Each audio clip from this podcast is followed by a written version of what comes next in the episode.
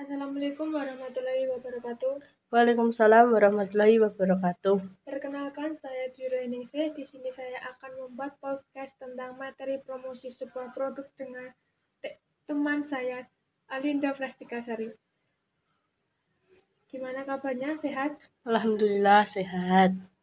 Selama sekolah daring ini, apa kegiatanmu selama di rumah? Selama sekolah secara daring ini, kegiatan saya tidak jauh berbeda dengan teman-teman yang lain. Selain mengerjakan tugas dan belajar, sesekali juga membantu orang tua. Nah, di sini kita akan membahas tentang promosi. Menurut kamu, apa sih promosi itu? Menurut saya, promosi merupakan sebuah alat pemasaran yang mempunyai peranan dalam meningkatkan volume penjualan. Promosi juga dapat diartikan sebagai arus sebuah informasi satu arah yang dibuat untuk mengarahkan seseorang atau organisasi kepada tindakan yang menciptakan pertukaran antara pema pemasaran. Dalam sebuah promosi, pastinya memiliki sebuah tujuan. Apa aja sih tujuan promosi itu?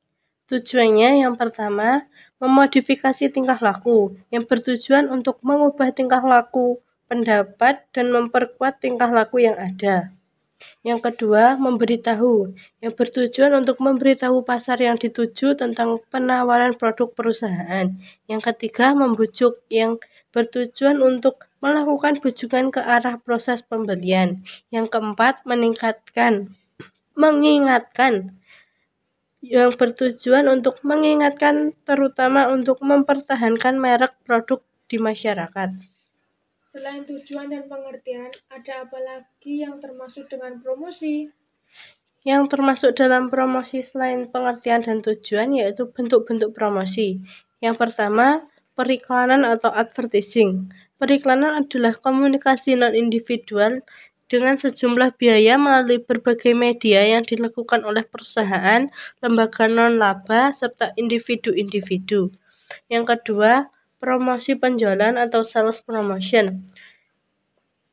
Promosi penjualan didefinisikan kegiatan-kegiatan pemasaran selain personal selling, periklanan, dan publisitas yang mendorong efektivitas pembelian konsumen dan pedagang dengan menggunakan alat-alat seperti peragaan, pameran, distribusi, dan sebagainya. Yang ketiga, publisitas Publisitas yaitu sejumlah informasi tentang seorang barang atau organisasi yang disebarluaskan ke masyarakat melalui media tanpa dipungut biaya atau tanpa pengawasan sponsor. Yang keempat, definisi tentang personal selling yaitu sebagai interaksi antara individu saling bertemu muka yang ditunjukkan untuk menciptakan, memperbaiki, menguasai, atau mempertahankan hubungan pertukaran yang saling menguatkan kedua belah pihak. Sekian podcast dari kami, kurang lebihnya mohon maaf.